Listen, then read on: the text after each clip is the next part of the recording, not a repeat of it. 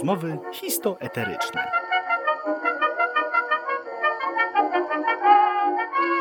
Podcast, w którym ja, Bartłomiej Gawryszewski, prowadzę luźny wywiad z ludźmi znanymi mniej lub bardziej ogólnej opinii publicznej. Na gości czeka przyjazna atmosfera, ale też kilka wyzwań związanych ze znajomością historii w zakresie swoich profesji. Jesteście ciekawi? Po prostu zapraszam. A moim dzisiejszym gościem jest Łukasz Linowski. Łukaszu, witam Cię serdecznie. Dzień dobry. E, Łukaszu, zacznijmy od tego, że przede wszystkim e, w tym czasie zajmuję, jest generalnie nauczycielem historii w szkole podstawowej nr 285, jeśli dobrze pamiętam? 218. 218. Blisko, blisko. Blisko, blisko. E, szkoła podstawowa nr 218, wszystkich uczniów i nauczycieli oczywiście pozdrawiamy. Tak. E, I generalnie jak ten czas kwarantanny wpłynął na e, nauczanie? Wiesz co, na samym początku nikt właściwie nie wiedział, jak to się potoczy. Myśmy mieli, bo my się chyba w środę dowiedzieliśmy, że w czwartek do szkoły nie idziemy. Te pierwsze dwa dni były takie bardzo chaotyczne, nikt nic nie robił. Od poniedziałku wystartowaliśmy, ale nikt w ogóle z nauczycieli nie znał tych narzędzi do pracy zdalnej. I dopiero z czasem, najpierw ja, przynajmniej jak ja, najpierw wysyłałem uczniom maile przez Librusa. Oczywiście ten Libru, Librus padł na samym początku. No później stopniowo, stopniowo kolejne narzędzia, aż, aż wypracowaliśmy sobie taką metodę, że na, e, w jednym z programów do takich wideokonferencji się spotykamy o wyznaczonej e, porze raz w tygodniu i, i, i w ten sposób prowadzę lekcje historii z nimi. Okej. E, Jak, jaka jest reakcja uczniów w takim razie na tego typu rozwiązania w przypadku nauczania? Jednym się podoba, bo y, widzą, że to zajmuje im mniej czasu, nie muszą wstawać o tak wczesnej porze do szkoły, y, zajmuje to też mniej czasu y, i wykorzystujemy też no, możliwości internetu i tego, że każdy ma komputer, więc jest to dla nich dużo łatwiejsze. Y, Ale niektórzy też tęsknią, za, zwłaszcza dziewczyny, za koleżankami, za tym, że nie mogą się zobaczyć, y, y, przybić piątki. Także no tak na twoje babka wróżyła. Mhm, rozumiem. E, a jak w ogóle perspektywa, znaczy generalnie ty jako jakby to nowe pokolenie nauczycieli generalnie słyszę, że e, szybko się jakby udało ci się dostosować do tego, ale jak to wygląda z perspektywy nie wiem, starszego nauczyciela? Czy jakby podczas rozmów ze, z starszymi kolegami z po fachu, mm, koleżankami po fachu miałeś jakieś spostrzeżenia? Czy musiałeś jakoś nakierować w przypadku mm, jak prowadzić takie zdalne lekcje? Wiesz co, myśmy mieli szkolenie. Jak tylko się zaczął koronawirus, to nam dyrekcja zorganizowała jedno czy nawet dwa szkolenia z obsługi tych wszystkich programów. No ale to nie rozwiało wszystkich wątpliwości, zwłaszcza właśnie ci nauczyciele, ci nauczyciele starsi stażem. No oni to robią, ale robią to niechętnie, no ale wiedzą, że żeby dzieci nauczyć, a no taka jest misja naszej, naszej szkoły, to jednak no y, y, trzeba, trzeba się przełamać i, i, i robić to wszystko. No cóż, to rzeczywiście brzmi intrygująco. Znaczy, ja, z, jeśli chodzi o mm, samo nauczanie i o sposób nauczania, to jakby mam z tym taką lekką styczność, zwłaszcza, że no, rodzina przynajmniej po kądzieli w dużej mierze zajmowała się nauczycielstwem yy, i uczy generalnie, uczy, uczyła czy uczy mm, nadal młode dzieciaki. E, to na klasy 1-3, ty masz klasy e, 4-8 z tego co wiem? Właściwie 4,8, ale ja mam 4,5 w tym 4-5 roku. W tym roku, okej. Ciężko utrzymać uwagę w takich sytuacjach? Że po prostu ciężko skupić uwagę dzieciaków właśnie w wieku 10-11 lat na mm, konkretnym materiale, który masz przygotowany? Nie jest łatwo. Naprawdę trzeba przyznać, że to czasami człowiek staje na rzęsach, a i tak to ich nie zachwyci, bo oni bardzo łatwo się dekoncentrują, zwłaszcza, że w dzisiejszych czasach no, mnóstwo dzieci gra w gry, które no, nie sprzyjają temu, żeby one się skupiły na jednej rzeczy, w jednym kierunku, Yy, ale jakoś tam sobie radzą. No ja się staram możliwie jak najbardziej urozmaicać te lekcje, czyli żeby to nie był 45-minutowy wykład, ale wiesz, żeby, yy, a to jakiś filmik obejrzeć, trochę popracować z podręcznikiem, trochę w parach, trochę w grupach, yy, jakąś scenkę odegrać, potem to wszystko podsumować i jakoś ta lekcja zawsze zlatuje i, i jakoś nie narzekają. Taką mam nadzieję przynajmniej, chyba że o czymś nie wiem. No cóż, ja nie wiem, dlatego że ja w Twojej szkole się nie uczę.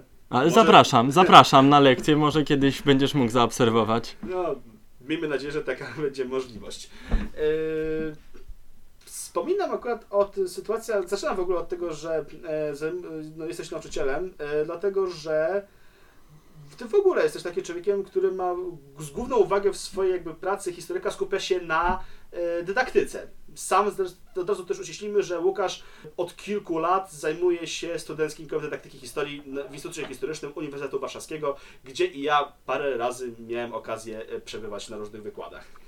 Zgadza się. Y, No to, to jest zaskakujące, jak poszedłem na studia, chciałem dołączyć do takiego koła, no bo było studenckie koło naukowe historyków, było studenckie koło naukowe judaistów, ale nie było takiego koła, które by się zajmowało dydaktyką historii. Nie było też żadnej sekcji, która by się tą dydaktyką zajmowała. I ja na samym początku chciałem takie koło założyć, ale tam mnie zbombardowali po pierwszym roku y, moi współtowarzysze z, z, roku studiów, y, którzy swoją drogą później się stali moimi zastępcami, jak już koło założyłem, bo po pierwszym roku jednak wszyscy stwierdziliśmy, że, że, no, no, że trzeba takie coś założyć. Jeszcze była taka matka chrzestna naszego koła, doktorantka pani Alina Tukaj. Pozdrawiam serdecznie pani. Alinko. Y, I, i, I ona nas zmotywowała, założyliśmy. No i co? I się utrzymaliśmy. Ale z tego co wiem, to waszym opiekunem merytorycznym przynajmniej jest dr Piotr Kroll. Tak, i pani profesor Katarzyna Błachowska, która też tam y, nadzoruje, nadzoruje. I to pierwsze tego typu koło tak naprawdę, jeśli skupiające się na specjalizacji raczej, Tak. aniżeli na ogólnym zastrzeżeniu. Oczywiście, i to w ogóle chyba nawet na całym uniwersytecie, w całej historii. Ja starałem się znaleźć gdzieś na jakichś kierunkach innych koła. No może ten research zrobiłem jakoś tak pobieżnie, ale nie znalazłem nawet na innych kierunkach jakiejś takiej, takiego koła. Sekcje, owszem, ale kółko raczej nie. Czyli stworzyłeś tak pierwowzór do, do tworzenia jakby na innych wydziałach. Dlaczego mówię o tym pierwowzorze? Dlatego, że czas na pierwszy segment z naszego podcastowego talk show, czyli pierwszy raz. Zapraszam. Pierwszy raz. Nasz gość otrzymał pięć pytań, które dotyczą początków, debiutów i tym podobnych. Posłuchajmy, jak sobie poradzi. Łukaszu, mm, ten segment składa się z pięciu pytań, które dotyczą początków, debiutów i tym podobnych. E, czy jesteś na nie gotowy? Jasne. W takim razie zapraszam. Łukaszu, pierwsze pytanie, powiedz mi, jak wspominasz pierwszy raz, kiedy przekroczyłeś próg Uniwersytetu Warszawskiego? Oj, to było naprawdę, nigdy tego nie zapomnę. Yy, No ty Bartku wiesz, bo też studiujesz historię, więc historia jest y, na kampusie głównym, więc jak tam się przekracza tę bramę, to się człowiek czuje jak zupełnie by był w innej rzeczywistości, jakby się cofnął 200-300 lat wstecz. I to było dla mnie niesamowite. No jeszcze, żeby wykitować te samochody i ten, y, ten okropny beton, to by było super i jakiś taki bruk zrobić.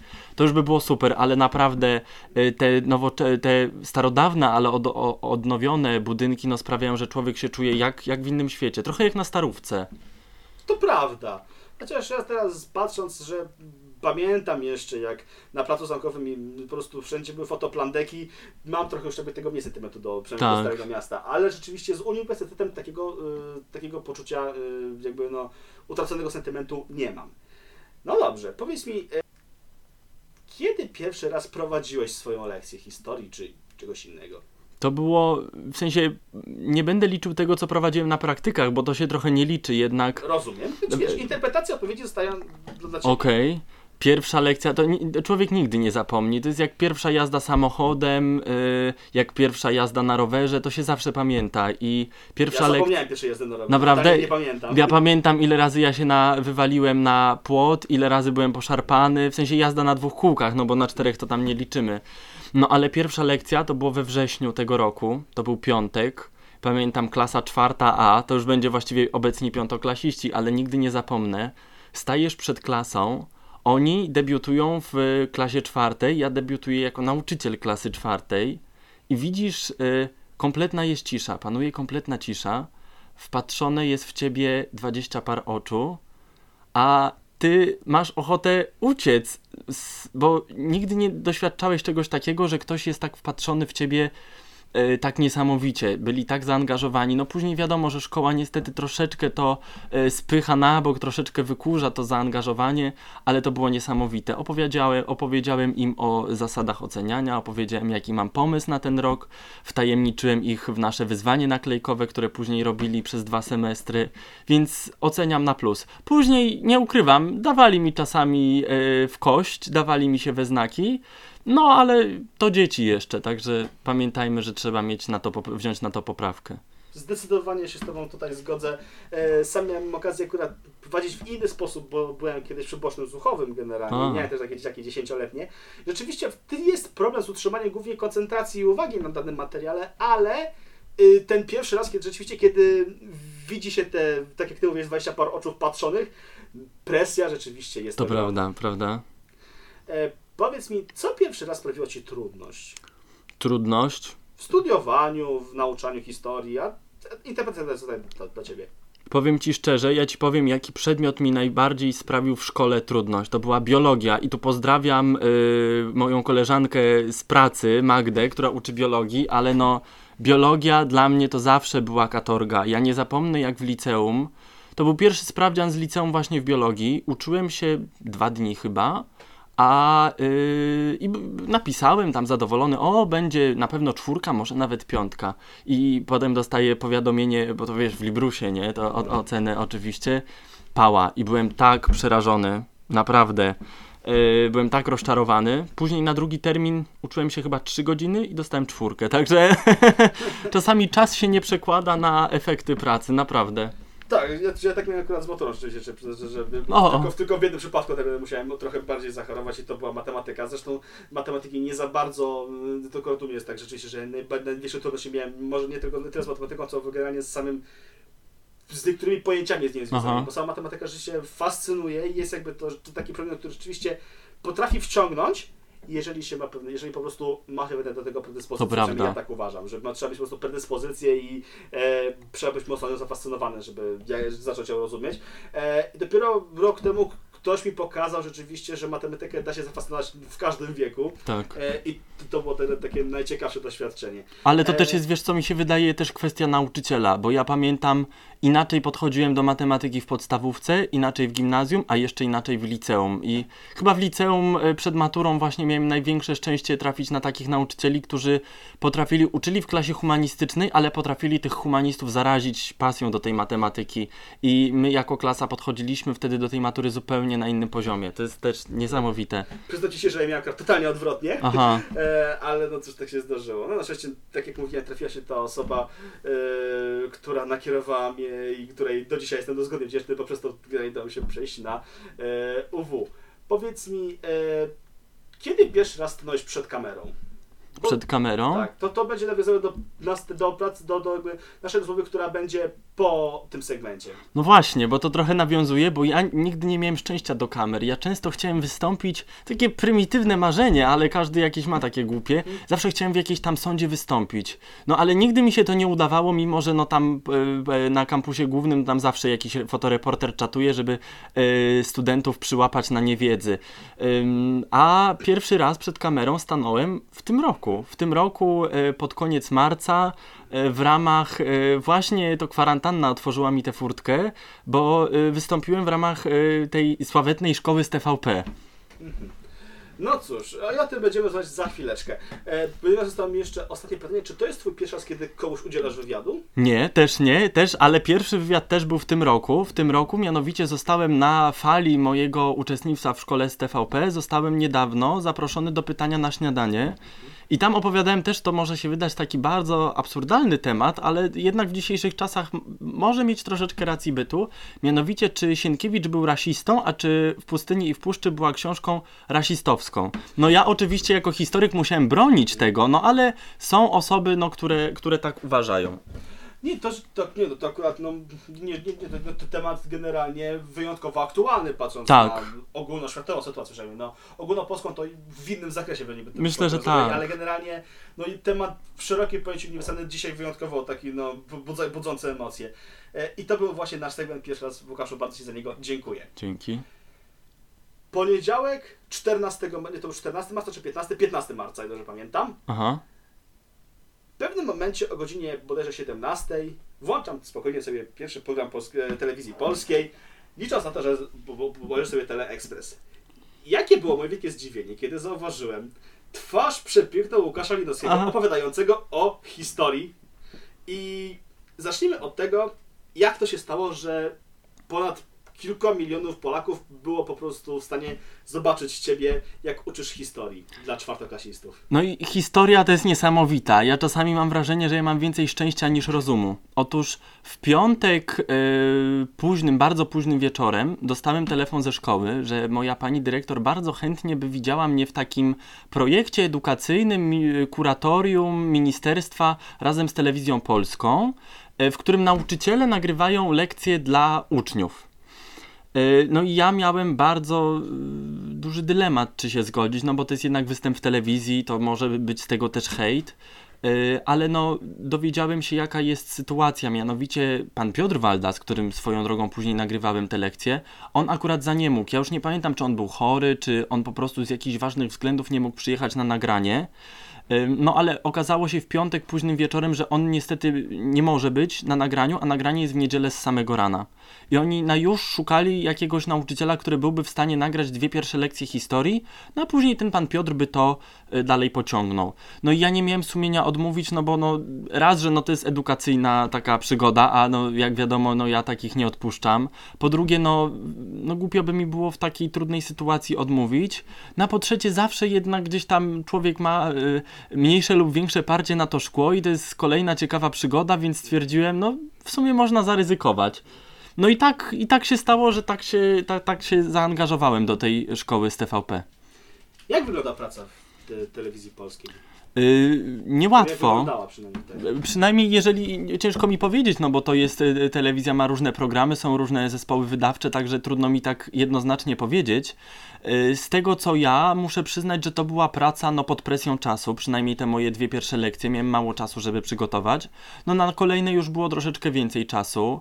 Y, To jest praca z wieloma osobami. Każda z tych osób ma swoją jakąś taką wykładnię, jak ma ten program wyglądać, więc trzeba się umieć dostosować do y, wielu różnych pomysłów, być elastycznym, dyspozycyjnym, bo czasami nagrania kolidowały mi z zajęciami, ale y, o tyle zajęcia zdalne są przydatne, przynajmniej w moim przypadku, że to było wysyłanie prac, które mogłem sobie zrobić powiedzmy o drugiej, o trzeciej w nocy zamiast w trakcie moich nagrań. Yy, No i to wymaga ogromnego poświęcenia, zaangażowania, bo jest to yy, naprawdę fizycznie, a czasami nawet też psychicznie wycieńczające. Ale ogólnie przygoda naprawdę, jeżeli yy, ktoś dostanie taką propozycję nagrania takiej lekcji w szkole z TVP kiedyś może, to bardzo polecam. Powiedz mi, czy w związku z tym, że mm, nie konkretnie przez, przez, spo, przez sposób akurat Twój prowadzenia lekcji, ale jakby przez ogólne, jakby odgórne założenia, które by- jakby ten program narzucał, spotkałeś się u siebie, u siebie w czasie, jakby nie wiem, w swoim środowisku pracy albo środowisku studenckim e, jakiś negatywny odbiór, w, głównie ad persona tua? Wiesz co? To jest głównie dlatego, że y, to jest telewizja polska. No i niektórzy ludzie mają duże uprzedzenie do tej stacji. Ja nie zgodziłem się tam ze względu, że nie wiem, popierałbym jakieś poglądy czy światopogląd, który reprezentuje ta stacja, tylko głównie dlatego, że to jest edukacyjne y, wyzwanie i jakakolwiek by stacja tego nie zrobiła, to i tak bym się zgodził, y, bo to jest jednak ku, chwale edukacji, ku, ku sukcesowi naszych uczniów. Y, No i zdarzały się jakieś komentarze, że no co ty, no da, da, dla publicznej, dla pisowskiej telewizji, no ale no to trzeba przełknąć ślinę i, i pójść, pójść do przodu. Czy wiesz, czy akurat pytam o to dlatego, że niecały miesiąc później z, z, przeczytałem pewien artykuł, w którym rzeczywiście dwie, y, dwie jakby na, nauczycielki, które były w tym programie, rzeczywiście miały potem bardzo duży problem z, z akceptacją w środowisku swoim i miały po prostu bardzo duże problemy z tym. I się po prostu pytam, czy i od, od czego jakby to zależy? Czy to zależy od, czy zależy od tego, jak się to przyjmuje, czy zależy to od, raczej od od presji, od kierowcy, czy na przykład, nie wiem, od presji otoczenia, czy to zależy od, yy, nie wiem, no, od właśnie sposobu, w jaki yy, konkretne medium się kreuje.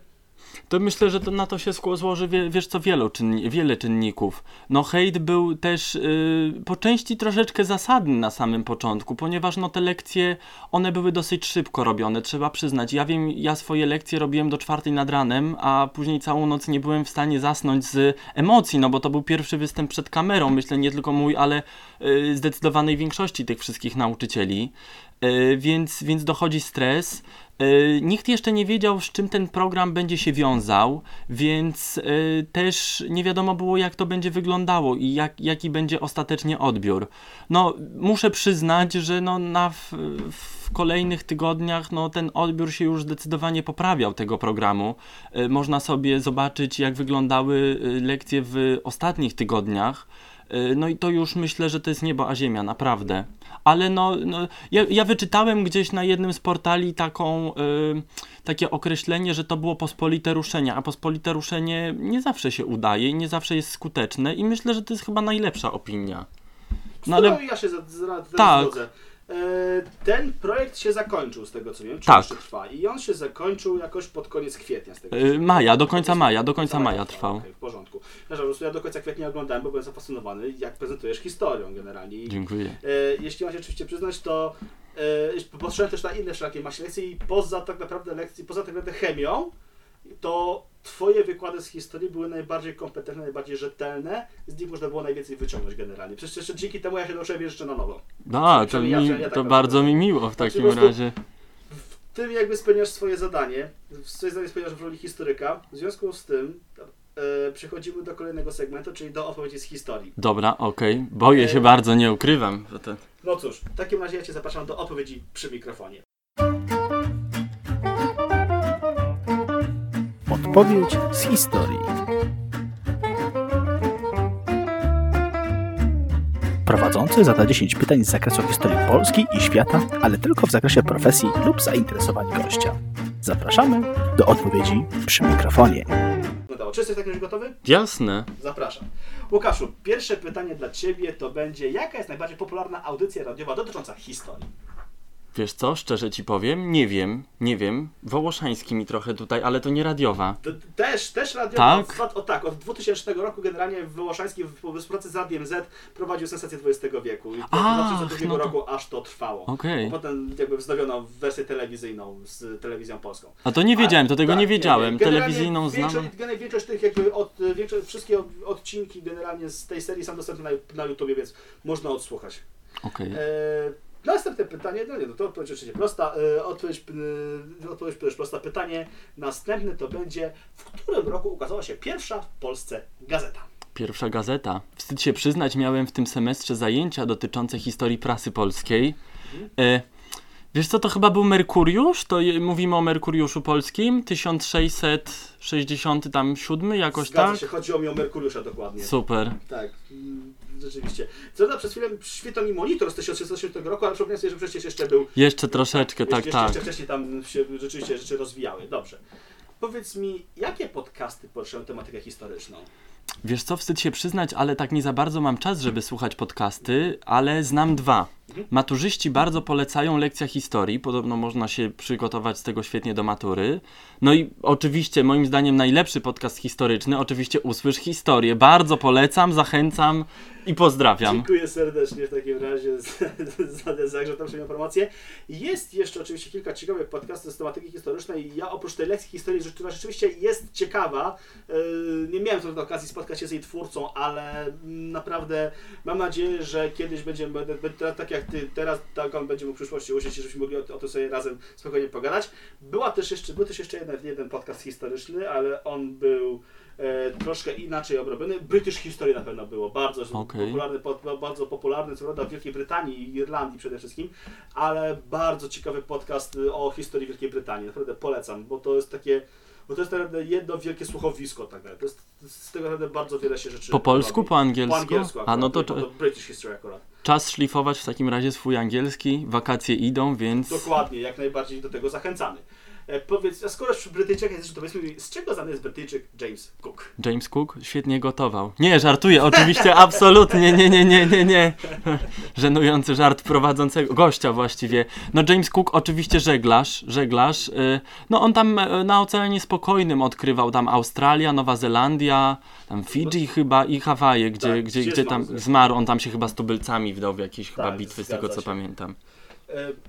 Powiedz mi, czy pamiętasz, może kto powiedział taką sentencję, człowiek miarą wszech rzeczy? To jakiś grecki filozof tam, nie wiem, Demokryt? Nie Demokryt to był. Raczej to- nie. Nie.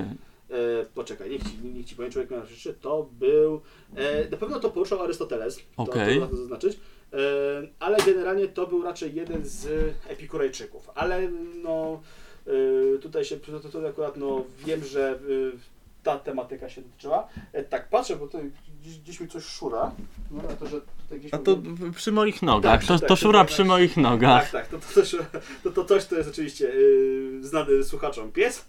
E, no cóż, mm, powiedz mi, yy, b- ten, teraz powiem Ci o tym, że był publicystą, w czasach PRL opisał swoje najlepsze dzieła, a władza była mu nieprzychylna. O kim mowa? No to ciekawa, ciekawa zagadka. Wiesz co? Dodam tylko, że napisał co najmniej trzy tomy dotyczące historii Polski. Okej, to Kisiele... Nie, Kisielewski nie może być, bo Pisał pod Kisielewski to był... A to nie ty... A Tyrmand może? Tyrmand? Nie, nie Tyrmand. Nie, nie Tyrmand. To nie wiem, też nie wiem. Chodziło mi o Pawła Jasienica. A, o Jezu, ja się... No tak, najciemniej Tak, pod latarnią, historyk, no tak. No, yy, zresztą miałem, mam, mam zresztą u siebie w domu mam wszystkie trzy tomy ten Jasienicy i No tak, no to się prostu- oczywiście. No takie, no tak jak no, w, w, to, to, takie, no takie generalnie, no w, taki pu- publicysta historyczny, tak jest Jasienica, to on jest takim chyba Karolem Modzelewskim dla, dla mediewistyki tak naprawdę. Myślę, że tak, naprawdę, no. No dobrze. Yy, jeszcze będą dla Ciebie przygotowane dwa pytania, mianowicie yy, gdzie miały miejsce tak zwane polskie termopile? A to kilka jest tych bitew, bo to i w e, 20 roku, w 1900 oczywiście, bo w 20 to tam za rzymskiego cesarza by było. 1920 bitwa polsko-bolszewicka to mamy bitwę pod Zadwórzem. W 39 Wizna.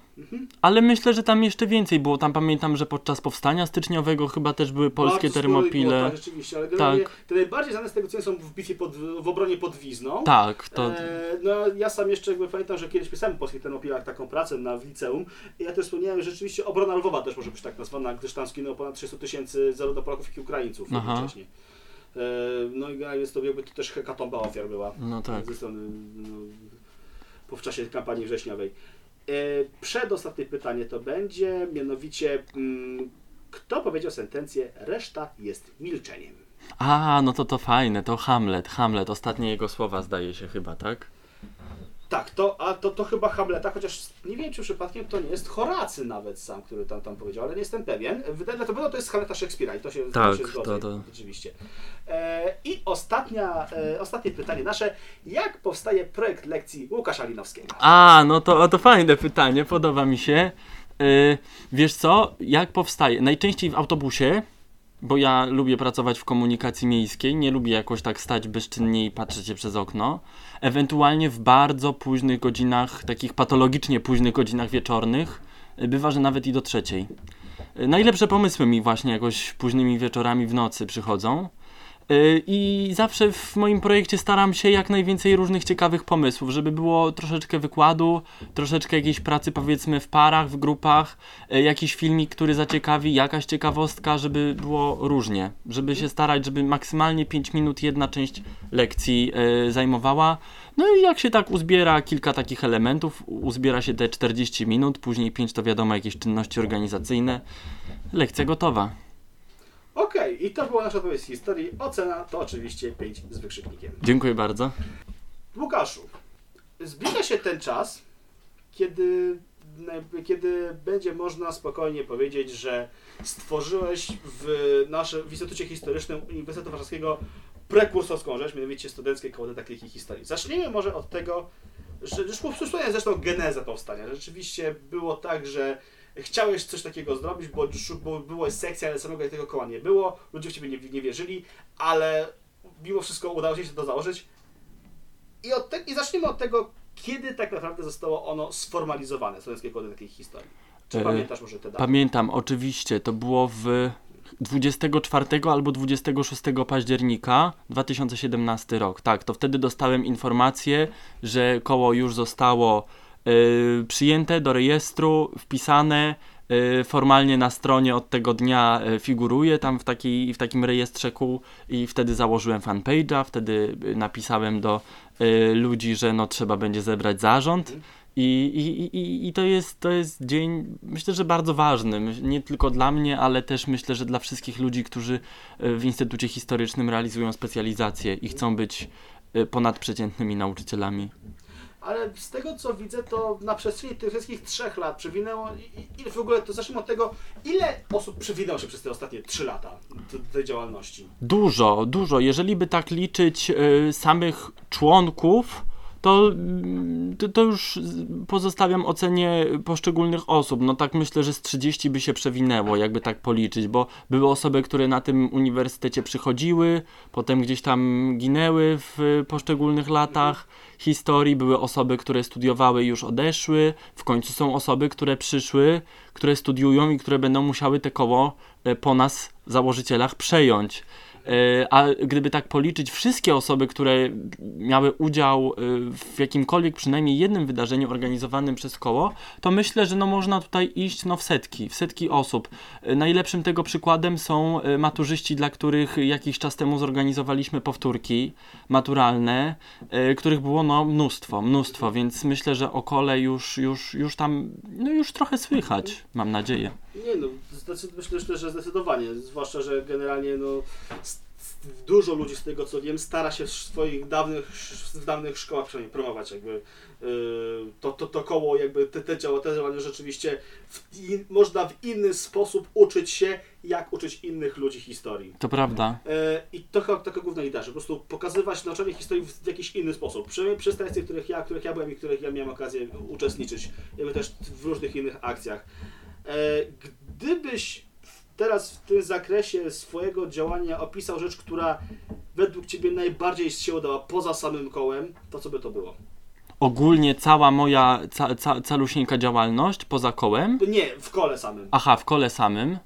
Poza oczywiście jego założeniem, jego yy, kierowaniem przez 3 lata.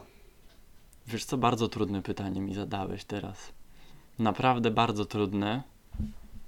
Nie wiem, czy nie te powtórki maturalne właśnie, bo to powoduje, że naprawdę bardzo dużo osób y, jest w stanie usłyszeć o tym kole, ale też ja widzę, że dużo osób, że to nie są pojedyncze osoby, które korzystają z owoców, jakie my dajemy, ale że z tej działalności koła, na tej działalności korzysta naprawdę sporo osób. No na, na, na niektórych spotkaniach było po 200, po 300 nawet osób, także no zobaczyć, że no z tych owoców korzysta aż tyle osób, naprawdę super. Mhm.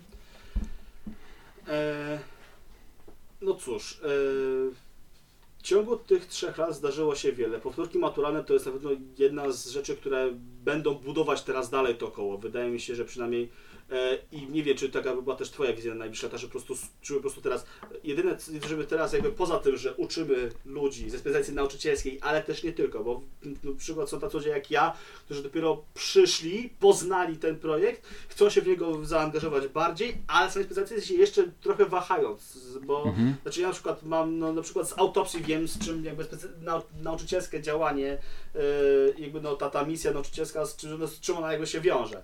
I to akurat mam z autopsji autopsji zadanej głównie z y, rodziną. Natomiast y, z tego co widzę, coraz więcej studentów głównie zaczyna to fascynować generalnie, że można uczyć w totalnie inny sposób i generalnie zapraszasz też różnych ludzi, którzy pokazują jak się uczyć, jak, siebie uczyć nauczania, albo jak w inny kreatywny sposób przekazywać wiedzę. Tak, co nas zresztą odróżnia od y, pozostałych kół, nie jesteśmy takim stricte naukowym kołem, gdzie e, co miesiąc się spotykamy i jeden członek koła wygłasza swój referat, e, podaje przypisy, bibliografię, a potem używając różnych zawiłych słówek naukowych będziemy dyskutowali na temat tego referatu. No my przyjęliśmy troszeczkę inną taktykę. My się co miesiąc albo co dwa miesiące zależy od naszych gości, właśnie spotykamy z osobami, które na bieżąco uczą, są nauczycielami, czy to w podstawówkach, czy w liceach i które uczą w sposób inny niż wszyscy, także to też nie każdy nauczyciel y, właściwie no, do tego koła y, przyjdzie. Y, staramy się celować wysoko w górną półkę, no i naprawdę wielu gości już przyszło, wiele myślę, że ciekawych rzeczy dzięki temu się nauczyliśmy i to myślę, że też definiuje nas jako przyszłych nauczycieli, że to mają być osoby, które mają nieść tą edukacyjną zarazę, że uczyć w sposób inny, dawać frajdę uczniom, ale też sobie, bo no jeżeli ja teraz miałbym sobie wyobrazić siebie jako nauczyciela, który siedzi 40 lat, usiądzie i jak taki bajarz zacznie opowiadać bajki albo prowadzić wykład w liceum, no to po roku można znudzić się, bo to się robi ciągle to samo, się gada, gada, gada, e, głos się wy... Y, co się robi z głosem? Wyczerpuje, człowiek się wypala i, i w efekcie no, no jest kiepsko. A tak to ciągle robi się coś nowego, ciągle się zaskakuje uczniów, ale też się siebie zaskakuje. To jest, to jest super, naprawdę. Widzimy, że generalnie mimo, oczywiście społeczeństwo się starzeje cały czas. Nie, ma, Mhm. nie mamy takiego zastoju, że jakby są nowe fale, tylko że przez chwilę mamy, stajemy teraz w takim czasie generalnie, że e, nowa fala chce przyjść, ale przez tę poprzednią jest jeszcze, je, je, ale ponieważ jeszcze ta poprzednia nie uniosła się na tyle, żeby opaść, to mm, nie jest, to, to, to dalsza droga musi się zatrzymać i to skutek czego się cofa. Bo kto stoi w miejscu, też się cofa tak naprawdę. To, to, to prawda. zresztą można przyznać. E, I powiedz mi, ile czasu jeszcze potrzeba, żeby nastąpiła ta zmiana pokoleniowa, czy to przełamanie fali? Wiesz co, powiem Ci szczerze, że mi się wydaje, że ta przemiana pokoleniowa już się zaczyna powoli dokonywać i wbrew pozorom tutaj pomaga trochę ten koronawirus, bo no, ta szkoła musi się bardziej zinformatyzować, trzeba zacząć wdrażać nowe, niekonwencjonalne metody i to pokazuje, że właśnie tak mi się wydaje, że w najbliższych latach będą właśnie zyskiwali nauczyciele młodzi, którzy są zaangażowani, którzy mają liczne pomysły, a ci nauczyciele starsi stażem, oni będą tych nauczycieli, no bo to mm, nie może się... Doświadczenie jest potrzebne. Doświadczenie jest potrzebne i ja też widzę po pierwszym swoim roku yy, nauki jako nauczyciel, widzę, że no bez tych nauczycieli starszych stażem by był nikim, więc myślę, że no ci starsi będą się uczyli, ale jednocześnie oni sami będą uczyli i właśnie e, tutaj użyję y, terminu chemicznego, w wyniku takiej dyfuzji będzie, będzie wykształcała się nowa szkoła. Oby to przyszło jak najszybciej. A czy nie boisz się w związku z, jakby z tą in, in, zinformatyzowaną szkołą, że dzieciaki staną się jeszcze bardziej przebodźcowane niż są teraz? Mi się, obawiam się tego, prawdę powiedziawszy. Obawiam się tego, ale no to jest, e, wydaje mi się, nieuniknione w pewnych dziedzinach, ale to też jest chyba, e, też myślę, duża rola nauczyciela, żeby wiedzieć, kiedy wykorzystywać komputer, a kiedy powiedzmy e, powinien e, dzieciak, e, uczeń właściwie popracować z podręcznikiem, kiedy powinien się wyciszyć. Myślę, że w 1-3, kiedy obejrzeć powiedzmy, nie wiem, nie film jakiś e, taki nowoczesny, tylko taką spokojną bajkę, gdzie tych y, bodźców jest znacznie, znacznie mniej. To też jest nasza w tym rola, ale też chyba rodziców.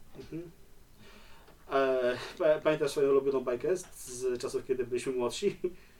Pewnie, że pamiętam. Y, to był film, wiesz co? Nie pamiętam, to Pixar chyba wytworzył roboty. O Boże, Radek Dekiel. Y, to A. był robot, on miał takie śmieszne imię i nazwisko. Y, I on tam wyjeżdżał.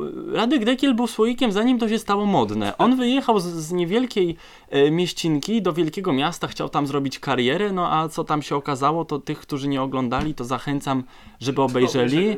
Tak, a taką klasyczną bajką disneyowską, którą uwielbiałem, wiesz co, powiem ci szczerze, ciężko mi powiedzieć teraz. nie wiem, no. Wszystkie lubiłem w sumie, no. wszystkie No, uwielbiałem. moją ulubioną niezmiennie pozostaje akurat mój brat Niedźwiedź. Dlaczego o tym Ach. wspominam? Dlatego, że pora na przedostatni segment, czyli na naszą pocztówkę z dzieciństwa.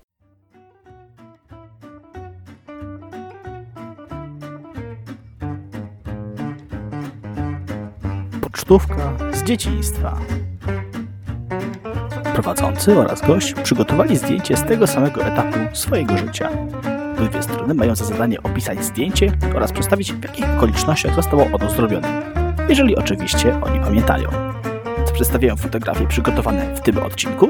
Przekonajmy się.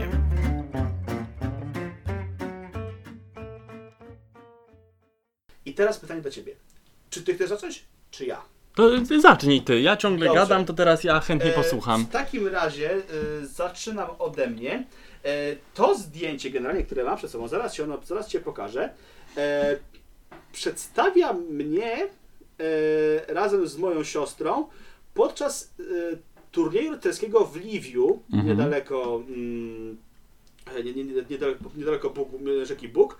E, a to był targ generalnie średniowieczny. Z ze względu na to, że właśnie to, to jest to zainteresowanie historią, to super. właśnie e, to postanowiłem przedstawić, że targ średniowieczny na zamku w Liwie. To zdjęcie pochodzi z 2006 roku, dobrze pamiętam, czy nawet 2007, e, gdzie jestem ubrany w zakupiony właśnie wtedy e, bardzo śliczny generalnie e, szka... nie wiem, czy nawet powiedzieć szkaplerz, czy to nie, czy nie szkaplerz, generalnie mm, właśnie w taką powiedzmy szatę rycerską z koroną, no i z drewnianym mieczykiem. I to jest chyba jeden z niewielu, to jest jeden z niewielu pre- prezentów, które, to ta, ta szata przynajmniej, która się zachowała do dzisiejszych czasów i mój brat teraz z- dużo, z niej korzysta. A, A tutaj siostra ubrana w, su, su, ten, w typową suknię z tamtego czasu oraz e, w wieniec, który zresztą też się zachował generalnie. E, w tle oczywiście są e, inni, różni ludzie, za chwilę będzie też turniej rycerski i pamiętam, że wtedy rozpętała się równie wielka burza, jak, jak, jakie, te, jakie teraz generalnie w Warszawie. E, I pamiętam, że jak wracaliśmy z tego, wracaliśmy jakby z tego, z tego turnieju i z tego generalnie festynu, który się tam odbywał, to mniej więcej w połowie drogi zauważyliśmy zwalone drzewo o, e, przez piorun. No i to rzeczywiście było takie doświadczenie, rzeczywiście no, natura bywa nieobliczalna. I to jakby tego się, no, tego się nauczyłem co, pierwszy raz wtedy, a tak konkretnie to 10 lat później, kiedy jechałem ratować ludzi z suszek generalnie, jak była taka tragedia z nawałnicami. No, wow. Tak. I te, w związku, z- skoro Łukaszu poznałeś już jak mniej więcej ten, to wygląda, teraz zapraszam, żebyś ty opowiedział. Moje zdjęcie. Ja przygotowałem zdjęcie sprzed. E, nie pamiętam ilu, z 17, może 18 lat. Mam ze 3, 4, no góra 5 latek. E, I siedzę na kolanach Mikołajowi. Mikołaj jak to Mikołaj, jaki jest każdy widzi, albo przynajmniej sobie wyobraża. Ja ubrany w taki sweter zimowy, świąteczny, jakiego myślę, że wielu hipsterów by dzisiaj mi pozazdrościło. Uśmiecham się. y, no właśnie, ja zawsze mam problemy z uśmiechaniem się na zdjęciach, to chyba jest najlepszy tego dowód. A w, y, w swoich rękach trzymam bardzo podekscytowany zestaw y, policyjny. Y, tylko zauważ, że to jest Deluxe Police Tak, Headquarters. Deluxe. I ja pamiętam, byłem tak szczęśliwy, byłem jako dzieciak tak przeszczęśliwy, że miałem, tam są, tam jest wszystko, tam jest komisariat, tam jest cela, tam jakiś reflektor, są wozy policyjne, niesamowite, pamiętam, byłem tak przeszczęśliwy, mimo że nigdy nie chciałem być policjantem, bo w dzieciństwie miałem zamiłowanie do bardzo dziwnych zawodów, takich jak szambiarz na przykład, chciałem być szambiarzem, to byłem tak szczęśliwy jednak, że dostałem ten deluxe zestaw, naprawdę, e, że nawet jak się rok temu przeprowadzałem, to gdzieś tam po kątach znalazłem jakieś resztki tego zestawu, także naprawdę E, drodzy słuchacze, e, tradycją już jakby u mnie staje się to, że ja poko- patrząc na, patrząc na zdjęcie porównuję jakby twarze e, z obecnym czasem i powiem, że ten sam uśmiech równie uroczy zachow, zachował się do dzisiejszych No, dziękuję. jak spotkacie uśmiechniętego Łukasza, to wiedzcie, że ten uśmiech od ponad 15 lat, czy tam Dziękuję. 17 jest niezmienny. I Dziękuję tak bardzo. Oczywiście. Wtedy byłem blondynem tylko. No. To wtedy byłem blondynem jednak, jakoś tak. Ja też tutaj, jak zauważyłeś na tym zdjęciu, ja też wtedy byłem blondynem Tak, jeszcze, faktycznie, no. faktycznie, bo to jednak ciemnieje z wiekiem. Tak. Ach, żeby, żeby tylko włosy. I to była nasza powtórka dzieciństwa. Bardzo Ci za nią dziękuję. Łukaszu, jakie są plany Twoje na przyszłość? Na przyszłość? Zawodową, studencką. Z wielkim żalem dochodzi już do mnie od kilku miesięcy yy, takie, taka świadomość, że niestety będę musiał pożegnać się z kołem, oddać moje dziecko, mój projekt, z którego jestem najbardziej dumny. Yy, I przyszłość to jest dla mnie wielka niewiadoma, bo kończę studia i nie jestem też w stanie yy, uświadomić sobie, że okres nauki, która trwała właściwie od wielu, wielu lat, nagle zakończę. Nie jestem w stanie sobie tego wyobrazić. E, No, widzę siebie w przyszłości jako nauczyciel e, i właśnie też nie wiem, bo zawsze chciałem uczyć w liceum, zawsze chciałem e, przygotowywać młodzież do matury. E, To miała być grupa moja docelowa, ale teraz po tym roku spędzonym w szkole podstawowej tak mi namieszało w głowie, że kurczę, nie wiem, czy chciałbym właśnie w szkole podstawowej, czy, e, czy, czy może jednak do tego liceum. Zobaczymy jeszcze. No i na pewno chciałbym mimo że nie będę mógł uczestniczyć w kole, to jednak chciałbym stworzyć taką y, paczkę osób, paczkę nauczycieli, którzy chcą uczyć inaczej. Może mi się uda jakoś międzywydziałowo pociągnąć takich e, e, studentów, którzy podobnie jak ja już powoli kończą, albo wkrótce będą kończyć, albo niedawno, kilka lat temu skończyli i chcieliby w ramach wymiany doświadczeń też spotykać się raz na jakiś czas i dzielić się swoimi doświadczeniami, spotykać z nauczycielami e, starszymi stażem, którzy będą im pokazywali, jak uczyć w taki przykładny sposób. Tego nie wiem jeszcze, prawdę powiedziawszy. To jest dla mnie naprawdę ogromna niewiadoma. Ale na pewno edukacyjnie. Na pewno edukacyjnie. Yy, na pewno będzie można jeszcze o mnie usłyszeć w branży edukacyjnej. Powiedz mi, czy ta wielka niewiadoma wynikła teraz z powodu mm, pandemii? I to, to, to, to jest ciekawie, czy to wynika z tego, że rzeczywiście to z powodu pandemii tak masz, czy to po prostu z tego, co już wcześniej przeżyłeś? Nie tylko pandemia, ale też wiesz co, wiele wydarzeń, które y, przyszły w moim życiu tam kilka lat temu. Mi naprawdę y, w pewnym momencie całe życie w ogóle o 180 stopni się obróciło i ja się nauczyłem wtedy, że y, nie ma co planować. To myślę, że dużo Polaków to po tej pandemii tak zauważyło, że y, nie ma co planować, skupmy się na tym, co jest teraz, a przyszłość, co będzie, to będzie. E, no ja tak, e, taki punkt widzenia zacząłem, przyjąłem mniej więcej 3 lata temu e, i myślę, że to jest właściwy punkt widzenia. To taki, taki motyw, wiesz, bo to jest taki deus ridens, prawda, że my tu sobie planujemy, a tam stwórca na górze się śmieje, bo wie, że to wszystko, wszystko ulegnie legnie w gruzach. Ale nauczycielem chciałem zostać od pierwszego dnia w szkole, to się udało i, i myślę, że taki jeden z największych tych celów swojego życia spełniłem i teraz tylko, tylko, tylko drążyć w tym mhm. kierunku. Boisz się, że może to cię nagle przestać interesować, że się wypalisz zawodowo? Boję się tego, nie ukrywam, bo y, też y, na studiach nas się uczy troszeczkę innego wyobrażenia. Człowiek jak jest uczniem, to też troszeczkę z innej perspektywy widzi tę szkołę, a jak się zaczyna... Y, jak się zaczyna właśnie uczyć, to y, bywa tak, że czasami człowiek ma gorszy dzień, że czasami klasa wejdzie mu bardziej na głowę. No i też po jakimś czasie widzę, że dopada ludzi rutyna i tego się boję, że ta rutyna też może dopaść mnie. Jeżeli dopadnie, to mam nadzieję, że jak najpóźniej. Jeżeli y, nie dopadnie, to będzie świetnie. Nie no, yy, sam wychodzę z takiego założenia, że mimo wszystko nauczyciel uczy się całe życie. To prawda. Yy, no, przecież w tym się zgadzamy. Łukaszu, zbliżamy się powoli do końca naszego spotkania, przynajmniej yy, podcastowego spotkania. Yy, a ten, yy, a to jakby nasze, nasz wywiad kończy zawsze ostatni segment, który nazywa się Eter. Bez żadnej cenzury masz teraz dwie minuty na apel czy wywód do słuchaczy. Mikrofon jest dla Ciebie. Dziękuję bardzo. Moi drodzy, ja Wam, może to zabrzmieć górnolotnie, ale ja Wam przede wszystkim sugeruję, żebyście kierowali się w życiu Waszymi marzeniami e, i tym, do czego zawsze dążyliście, będąc dziećmi. E, ja wyczytałem, że kiedyś, że człowiek e, w życiu szuka dwóch rzeczy: drugiej połówki i pasji. Jeżeli będziecie robili to, co e, zawsze marzyliście robić w dzieciństwie, to jestem przekonany, że te pasje znajdziecie. Mało tego, z tej pasji będziecie czerpali zyski. I tu właśnie to, o czym przed chwilą mówiliśmy z Bartkiem. Dużo później się wypalicie, będziecie czerpali z tego satysfakcję, dzięki czemu będziecie ekspertami w swojej dziedzinie.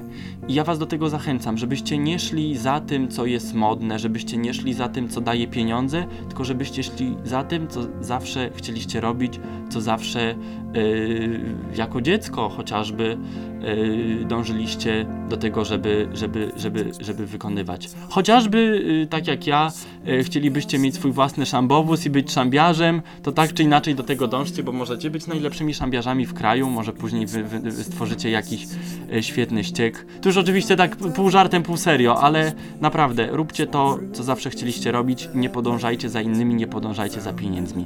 Kropka. Łukaszu, bardzo Ci dziękuję za ten wywód, dziękuję za, za całą rozmowę. Wam, drodzy słuchacze, przypominam, że podcast jest dostępny na takich platformach jak Spotify, Apple Podcast, Google Podcast i Anchor FM. To była rozmowa histoeteryczna. Moim gościem był nauczyciel, fantastyczny pedagog, twórca oraz e, wieloletni e, prezes Studenckiego Koła Dydaktyki Historii Instytutu Historycznego Uniwersytetu Warszawskiego, Łukasz Linowski. Łukaszu, bardzo Ci za tę rozmowę dziękuję. Dziękuję Tobie, dziękuję Państwu. Do usłyszenia. Do usłyszenia.